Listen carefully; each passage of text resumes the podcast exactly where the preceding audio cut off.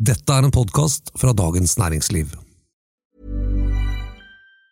Planning for your next trip? Elevate your travel style with Quince. Quince has all the jet setting essentials you'll want for your next getaway, like European linen, premium luggage options, buttery soft Italian leather bags, and so much more. And it's all priced at 50 to 80% less than similar brands. Plus, Quince only works with factories that use safe and ethical manufacturing practices. Pack your bags with high-quality essentials you'll be wearing for vacations to come with Quince. Go to quince.com slash trip for free shipping and 365-day returns.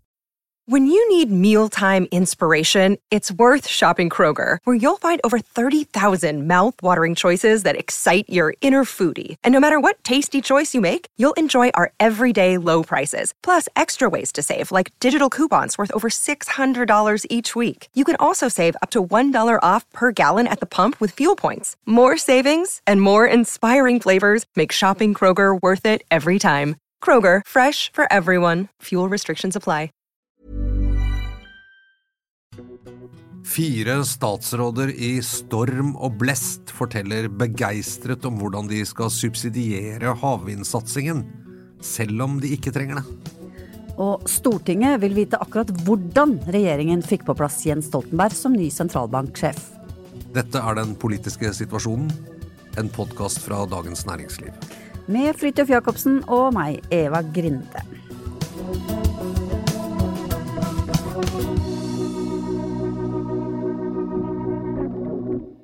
Um, du, Fridtjof, det ser ut som det er blitt en sånn greie nå å legge pressekonferanser, særlig hvis de handler liksom om industrieventyr og nye satsinger, ut liksom i nærheten av hav og med vind i håret og den slags.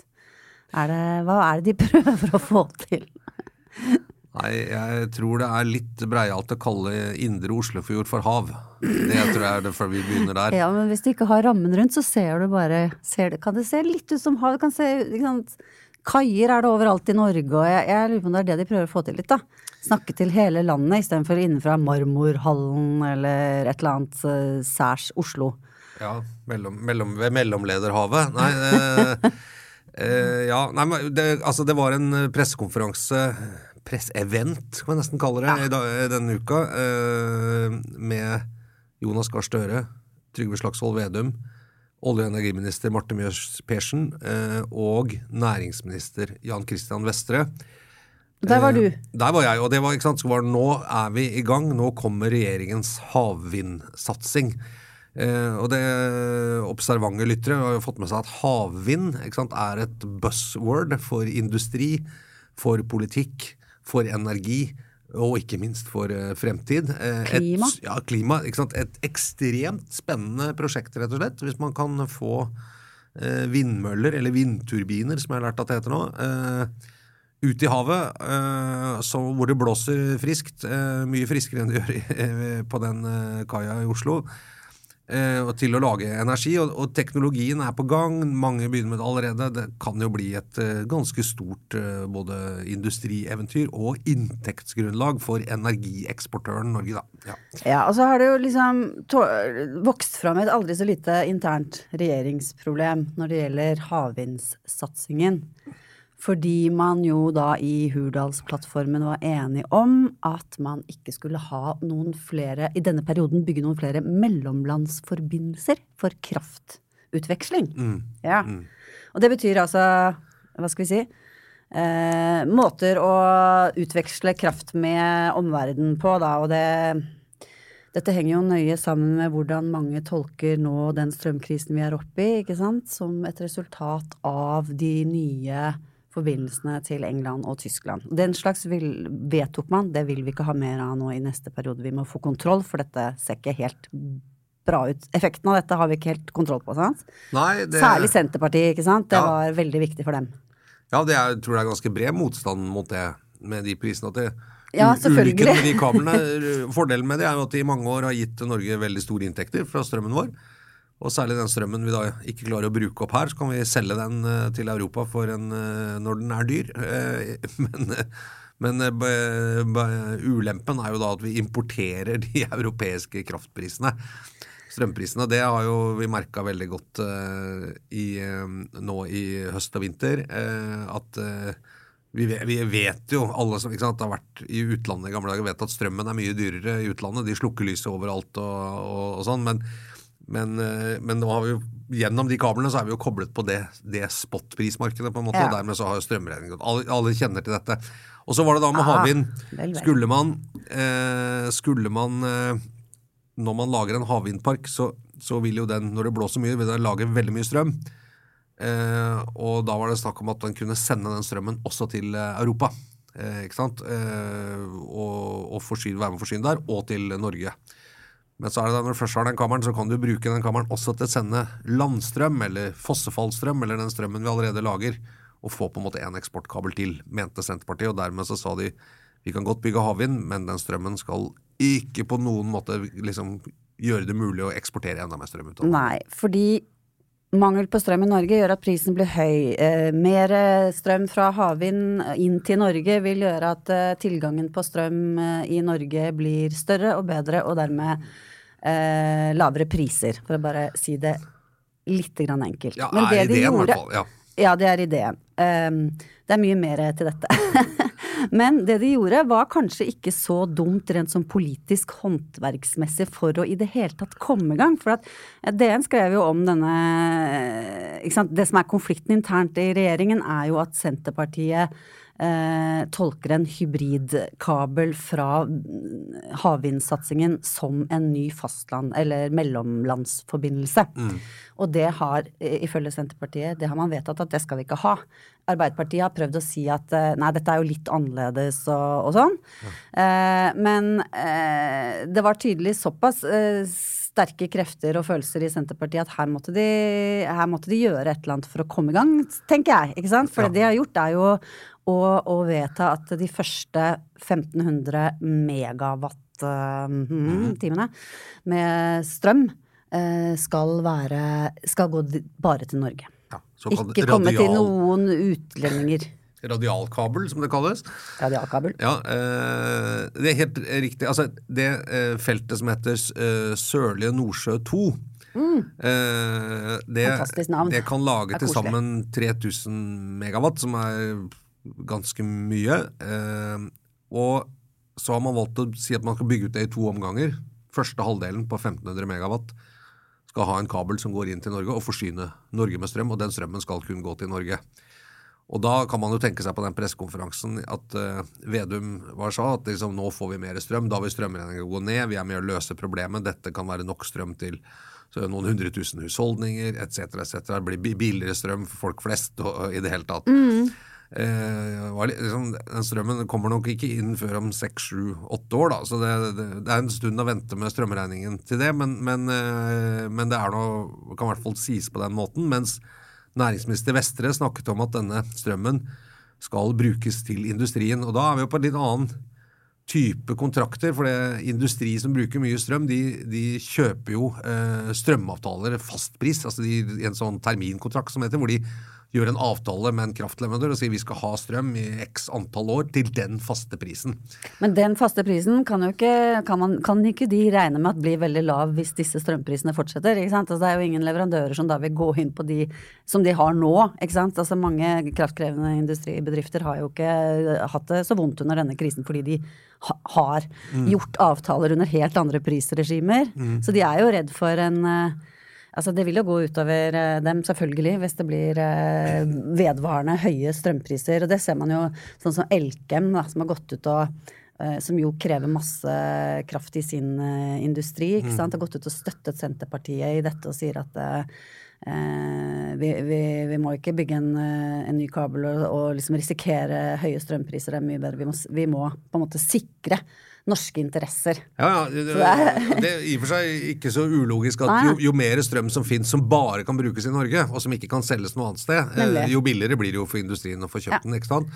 Men det spørs jo hvor, hvor interesserte de europeiske samarbeidspartnerne er i altså, hvor, eh, hvor langt på vei er det mulig å gjøre begge deler? Da? For det vi ønsker er jo å selge overskuddet vårt og tjene masse penger til den norske staten samtidig som vi har garantert eh, lave priser på strømmen. Og kanskje de to tingene ikke er helt forenlige.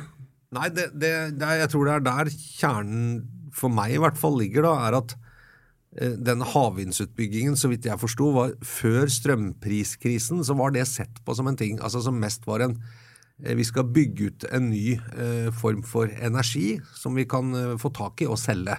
Akkurat som vi selger eh, energi gjennom olje og gass. Og, og, det, og, det, er det vi skal gjøre. Og det vi skal selge, er energien. ikke sant? Vi skal også eh, vil det gi masse spin-offs ved at du har en leverandørindustri som blir god til å bygge havvind, spesielt det som flytende havvind, altså det som ikke står på bunn, som er en uh, mer krevende teknologi enn en sånn uh, bunnfast.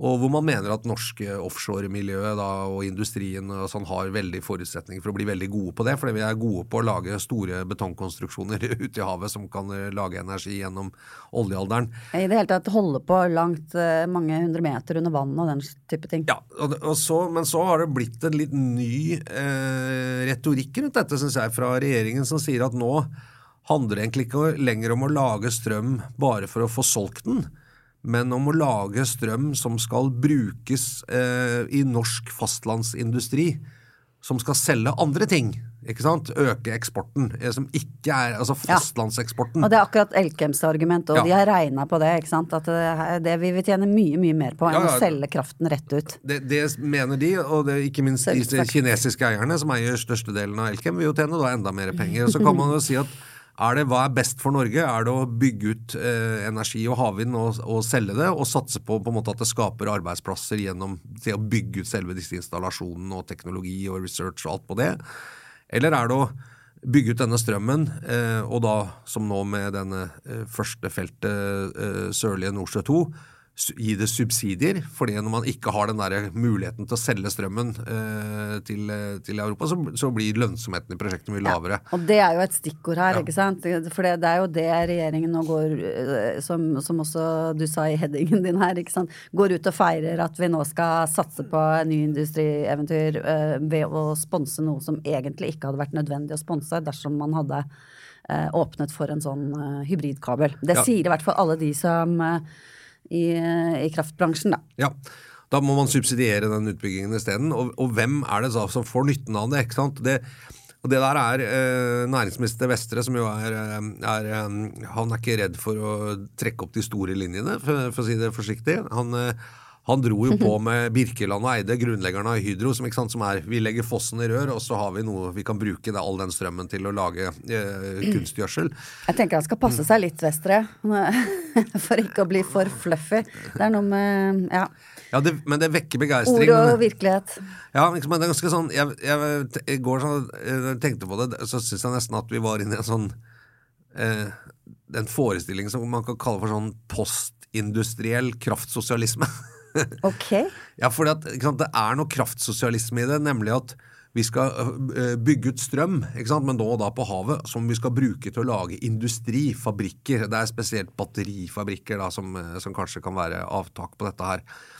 Eh, og da blir det arbeidsplasser ikke sant? og kjelerester. Dette minner jo veldig om sånn vi bygger landet etter krigen basert liksom litt på Hydro-modellen, men med da en tung stat som går mm. inn. ikke sant? Og, og nå det grønne skjæret ja. over det hele, ikke sant. Ja. For det, det, er jo også et element her i havvindsatsingen. ikke sant? Det er ikke kun at Norge skulle tjene penger, eller i hvert fall så legger man på sånne litt mer spiselige argumenter som også det er noe i. At hvis man greier å få energiproduksjon i verden i større grad over på havvind og den type den type energi, så, så, så, er jo det også veldig viktig for å få til dette grønne skiftet. Ja, Det var ikke noe snakk om det grønne skiftet. Jeg tror ikke det, ordet 'det grønne skiftet' ble nevnt en eneste gang. Jeg, på Nei, det, det var jo... bare industribygging som ble nevnt. ja. Ja, og det, er også tallene. Er interessant. Ja, det er talende. Mm. Og jeg tror at ikke sant, eh, det, det, at eh, havvindutbyggingen blir trukket inn liksom, i eh, strømpriskrisen, at man snakker om husholdninger, alt sånn det sier jo noe om hvilke politiske, dype politiske effekter denne eh, voldsomme spiken i strømpriser har hatt. Ja. Det, eh, det, har gjort om ganske mye ting. altså. Rett og slett Til og med et så stort prosjekt som Sørlige Nordsjø er på en måte snudd på hodet pga. disse strømprisene. Ja, og det er jo lett å forstå at det er, det er ikke bare Senterpartiet som er sært når de er litt skeptiske til utenlandskabler nå. Det er ikke akkurat lett å få hurra i befolkningen for eh, Nei, for altså For, eh, ja, for, for kabler til utlandet i den situasjonen vi er i nå.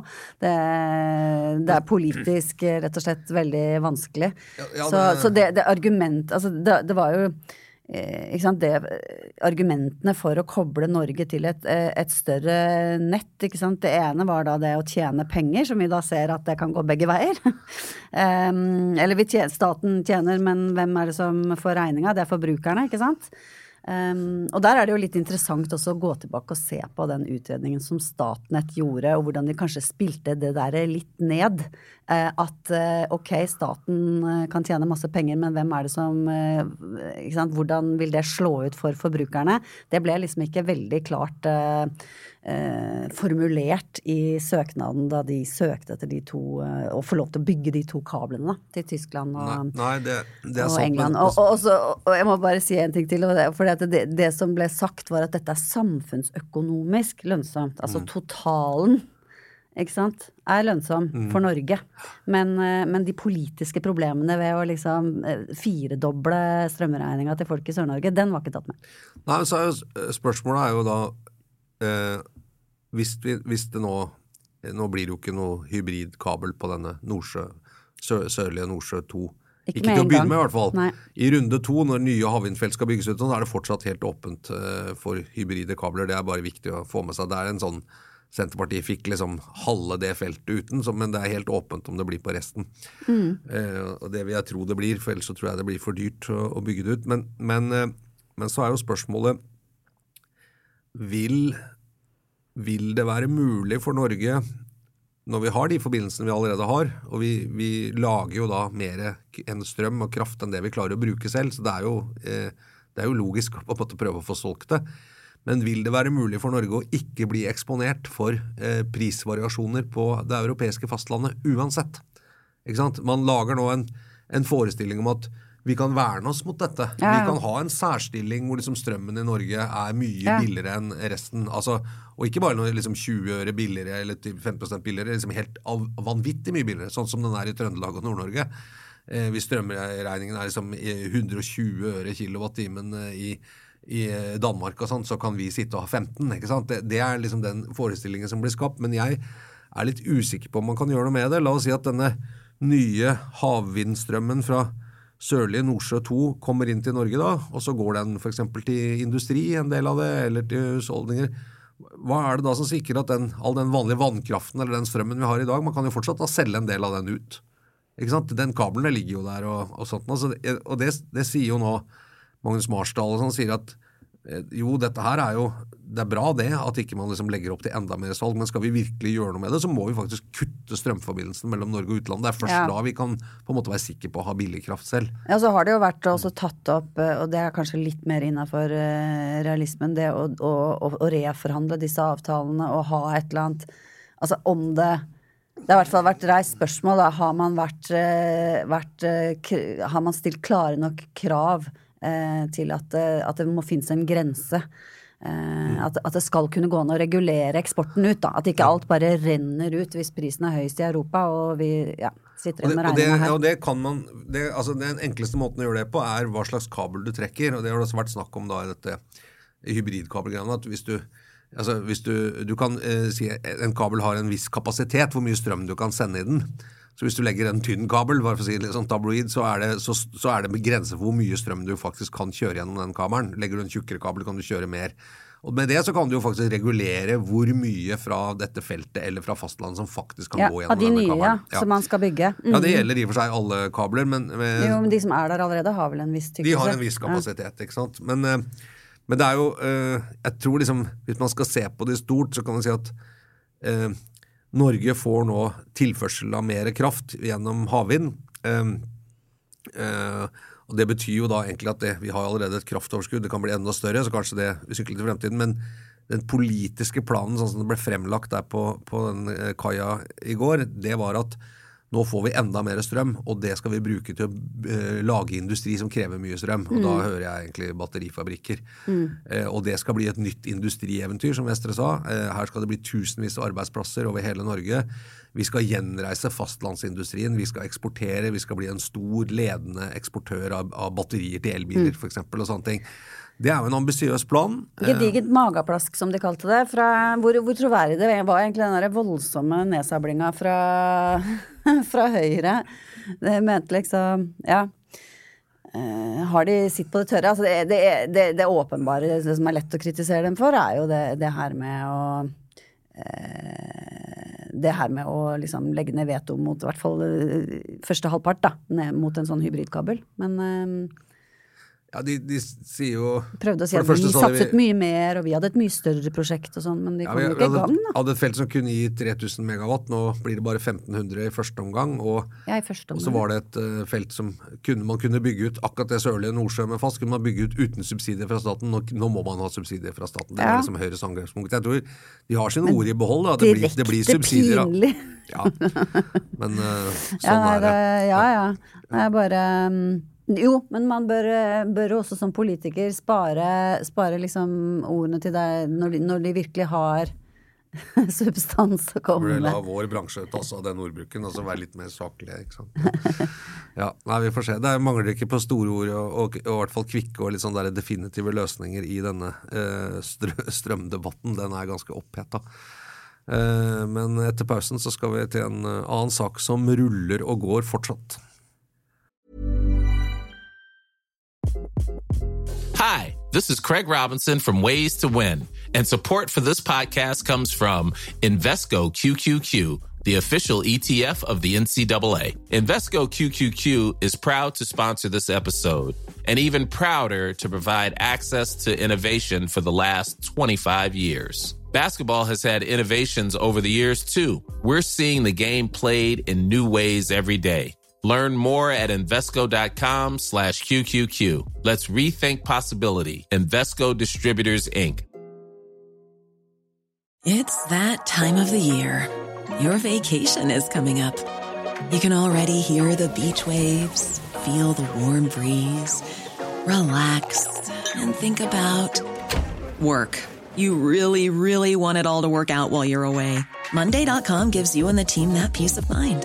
When all work is on one platform and everyone's in sync, things just flow wherever you are. Tap the banner to go to Monday.com. Hey, it's Danny Pellegrino from Everything Iconic. Ready to upgrade your style game without blowing your budget? Check out Quince. They've got all the good stuff shirts and polos, activewear, and fine leather goods, all at 50 to 80% less than other high end brands. And the best part? They're all about safe, ethical, and responsible manufacturing. Get that luxury vibe without the luxury price tag. Hit up quince.com slash upgrade for free shipping and 365 day returns on your next order. That's quince.com slash upgrade. Og det er eh, Jens Stoltenberg, altså, Eva.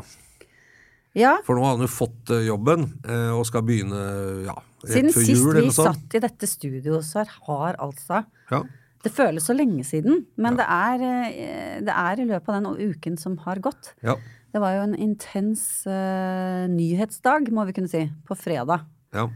Eh, da det faktisk ble, ble stadfesta at det var uh, selveste Jens Stoltenberg som fikk jobben.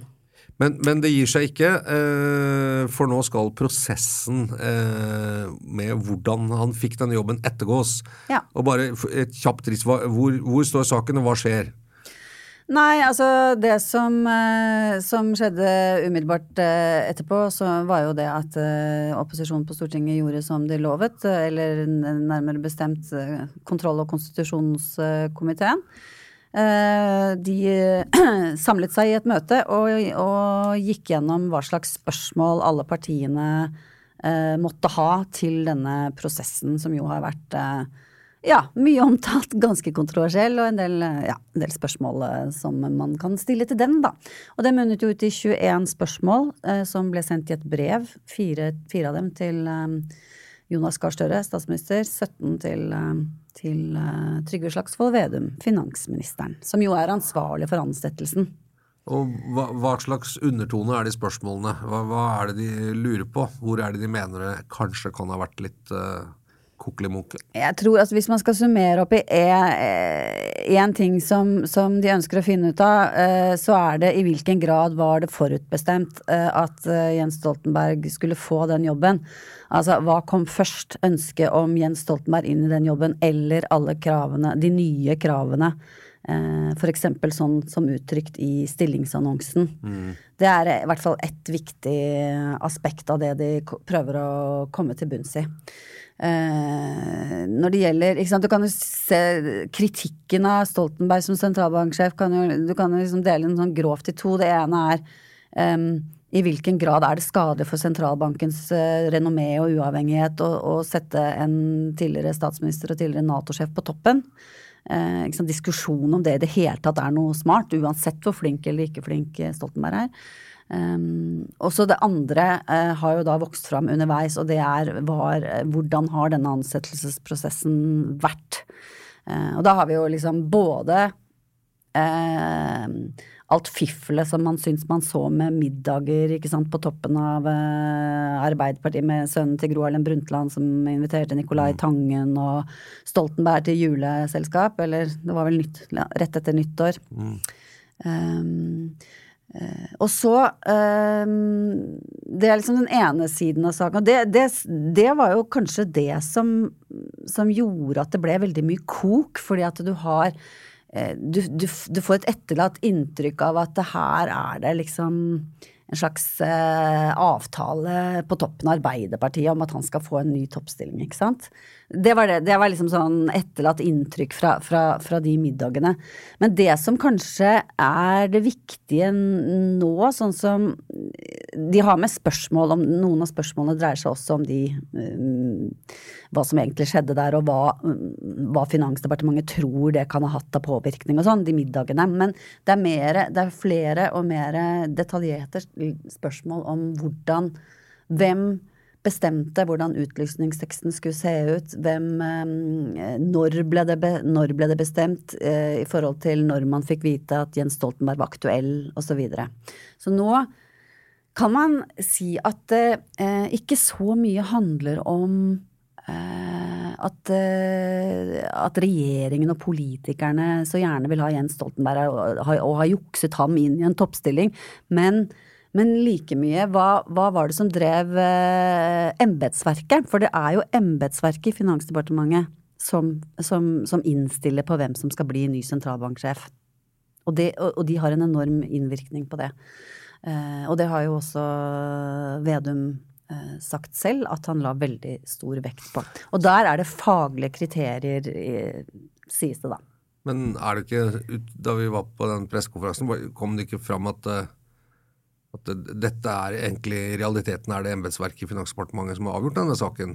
Vedum sa jeg har egentlig ikke blant meg i det. Jeg, jeg, jeg fikk på en måte presentert eh, han som den beste kandidaten. Eh, og, det, og, så sa han det ville vært, kanskje vært lettere for meg å da overkjøre det, men det har jeg ikke valgt å gjøre. Jeg stoler på at han er den beste og sier ja. Og det var liksom mitt inntrykk. Også, at han nærmest var sånn Jeg har ikke hatt omtrent noe med dette å gjøre. Dette er embetsverket i Finans som har uh, utredet, bestemt, konkludert, og så har jeg bare sagt ja, greit. Ja, ja eh, et stykke på vei, og det tror jeg kanskje de fleste finansministre ville. Altså det, det er, jeg tror det stort sett alltid har vært sånn at, at en finansminister har på en måte banka gjennom Selvfølgelig etter samtaler og sånn, det som, det embetsverket har foreslått i, i, når det gjelder ansettelse av sentralbanksjef.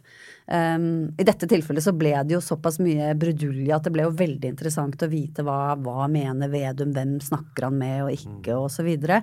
Uh, jeg er ikke sikker på om han sa rett ut at uh, jeg har bare latt dem bestemme. Han var liksom litt sånn frampå også og sa sånn uh, For det ble spurt om hvem det var som ringte, eller hvem det var som tok kontakt med disse kandidatene, da, Ida Wolden Bakke og Jens Stoltenberg.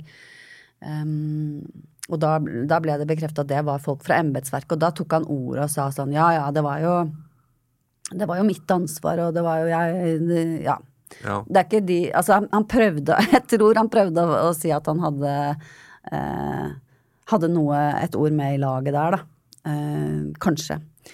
Han kan jo ikke han kan jo ikke heller Det er kanskje ikke så greit for han heller å, å eventuelt innrømme at nei, nei, jeg bare lot dem bestemme alt. Mm. Men han lot seg muligens overbevise av deres argumenter. Uh, det ja, Mitt inntrykk var i hvert fall at den, den, prosessen med å i det hele tatt liksom tenke tanken. Eh, er dette mulig? Det var en såpass oppsiktsvekkende og man, sier, man, skjønte at dette ville jo være kontroversielt for mange, og det har det jo blitt. ikke sant? For et flertall av partiene på Stortinget som ikke er komfortable, ikke sa de ikke var komfortable med det osv.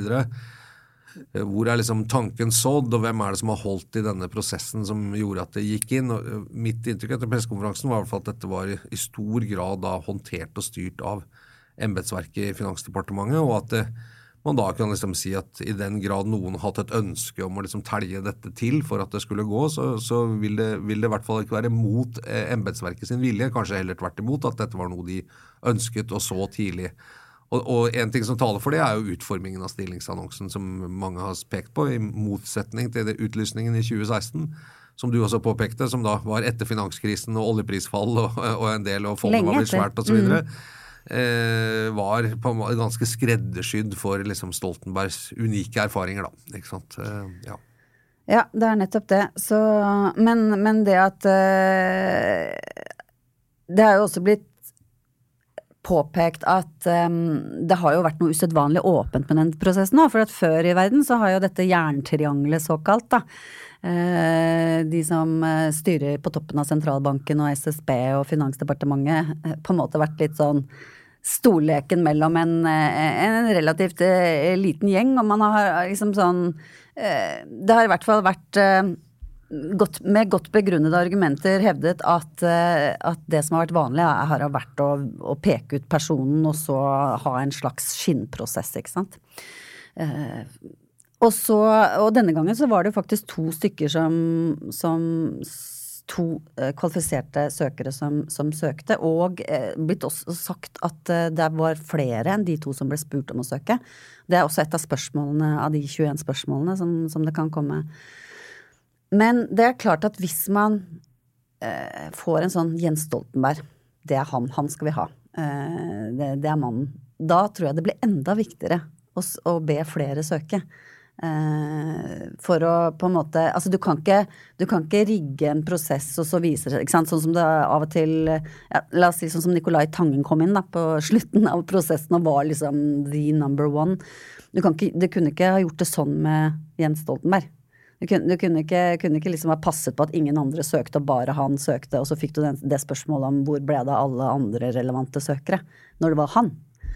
Det, så det, det, er også interessant, syns jeg. For det er, ikke, ja, det er et av spørsmålene, det òg, nemlig. Og jeg tror ikke det er så vanlig at, at uh, embetsverket, uh, finansdepartementfolka på toppen der selv uh, tar kontakt med kandidater og ber dem søke. Nei, De brukte jo et rekrutteringsfirma som, ja. som vel har sondert liksom markedet og sånn. Uh, jeg, uh, nei, altså, det er jo det er gjerne skulle visst. Uh, og en som ikke har sagt noe ennå, er jo Ida Wolden Bakke selv. Ja. hvorfor søkte hun på den jobben? etter, altså, vi, det vi vet om henne, er at hun er uhyre smart, veldig flink akademiker. ikke sant? Tydeligvis åpenbart meget intelligent, veldig god på skolen. Så hvis hun leser den utlysningsteksten, og skjønner at og Jens Stoltenberg er i miksen, for det kunne hun også lese i avisen, så ville man jo kanskje tenkt eh, dette er ikke noe vits i for meg å søke ja. på, for det er helt åpenbart hva de vil ha. Ja. Eh, og så ringer de igjen og sier vi vil gjerne skal søke likevel, og så gjør hun det. Eh, men antageligvis kanskje vel vitende om at eh, så lenge han er der inne eh, Nå blir jeg spekulativ, men du skjønner, jeg, jeg ja, skulle liksom gi motivasjonen. Og jeg skjønner jo for Finansdepartementets del, hvis hun hadde sagt Nei, sorry, hvis det er sånn det skal være, og han er inne i miksen og teksten er sånn, da gidder jeg ikke å søke. fordi at uh, jeg kommer ikke til å få den jobben. da ville var, prosessen sett helt syk ut. Hvis de, spur, ja, hvis de spurte flere, så kan det hende det er noen som tenkte sånn, da. Ja, men, eh, men, men hvordan de har spurt, og hvem som har spurt, ja. og, altså, om det liksom er utover sånn vil du komme på en samtale, skal vi snakke om det, eller vi oppfordrer deg til å søke etter at vi liksom hodejegeren har snakka med oss, det vet vi jo ikke. Nei, vi vet jo ikke det. Og det er jo det, er jo det vi håper å få mest mulig Det er jo det Stortinget ønsker å få mest mulig innsikt i ved alle de spørsmålene. Det er klart, vi så jo på eh, kontrollprosessen etter Eh, SSB ikke sant, med Christine Meyer osv. Det var veldig, veldig vanskelig å få fram den derre den litt uformelle eh, kommunikasjonen som faktisk er den som er avgjørende, ikke sant? Um, så, så dette er her krever, eh, krever ganske Ja, at de står på for å få, få ut Det, men det jeg mener at Ida Wolden Bakkes søknad eh, er helt avgjørende for at denne prosessen ser legitim ut. Ja, det var det jeg begynte med å si. Ja, ikke sant? Ja, de- Og hvorfor har hun da søkt? Visste hun at hun ikke kom til å få jobben? Eh, søkte hun allikevel? Gjorde hun embetsverket i Finansdepartementet en tjeneste? Eh, tenkte hun på bankens beste? Det der er for meg en gåte. Jeg skulle gjerne hørt hva hun har å si om det. Kan jeg tror dessverre dessverre ikke hun kommer til å si det, men eh, Ja, Vi kan høre med det. Var det sånn, Ida Wallen Bakke, at eh, du, eh, du fikk beskjed om at eh, det blir din tur neste gang, og jeg tror det blir et veldig bra team, og det kan jo være fint med noen år til som visesentralbanksjef, og denne, dette er måten vi får på plass Jens Stoltenberg. Ja. Nei, de har ikke sagt det. Det går ikke an. eh. Jeg tror Vollen Bakke fremstår som en sånn veldig ryddig, ordentlig eh, person. Kan ikke helt se for meg at hun har gått inn i en slags pakt. Nei, men det er jo det med sånne ting. Man trenger ikke alltid det, men man trenger kanskje å skjønne Ja. Man skjønner bare hva som, er. Mm. hva som er riktig å gjøre, eller hva som er lurt å gjøre, eller hva som sømmer seg osv. Men det er faktisk det er veldig sant? Det er jo egentlig da, da avgjørelsen kom, og begrunnelsen kom, og vi fikk jo lese den kongelige resolusjonen som, som da var liksom begrunnelsen fra embetsverket hvorfor han var best, så var det egentlig sånn Ja, men her har det jo aldri vært tvil. Fra det øyeblikket uh, han signaliserte og ble ringt og oppfordret til å søke, så har dette det har aldri vært noe tvil. Altså Det har vært noe ordentlig ordne litt formaliteter, men det embetsverket var sånn Det ser er sånn ut. Det ser sånn ut. Og da er det jo interessant at folk med mye mer innsikt i liksom hvordan oppfatninger er og her og der, og sånn, som da er på en måte i, dette, i denne eh, samfunnsøkonomiske jerntriangelet, er det jo interessant at Ida Wolden Bakke likevel sier ok, men jeg stiller meg på den lista, og dermed så redder jeg hele prosessen. For hvis hun hadde, ikke hadde villet det, Ja, ja. i likhet med alle de andre da, som skal ha blitt oppfordret til å søke, og det var sånn Ja, her er det en- én søker, det er Jens I hvert fall en til. Ja, det går ikke, ikke Ja, sant? nei, det hadde ikke gått. Ikke sant? Så han har litt å takke henne for. Hva er det de heter, heter de kretser? Kanskje han skylder henne en øl. ja, nemlig. Det blir en halv- på Ida Wolden Bakke. Den får, han, får hun jo sikkert. Ok, det var ukas eh, politiske situasjon, eh, som er en podkast fra Dagens Næringsliv med Eva Grinde og Fridtjof Jacobsen. Produsent er Oskar Bremer, og vi høres igjen neste uke.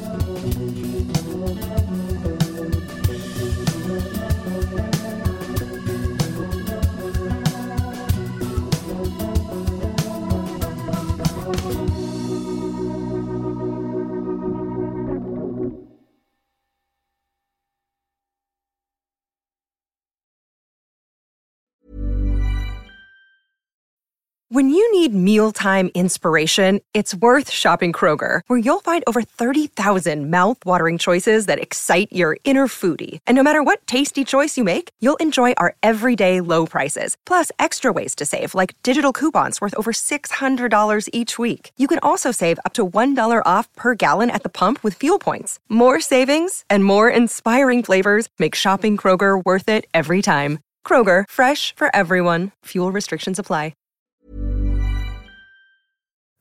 Du har nå hørt en podkast fra Dagens Næringsliv.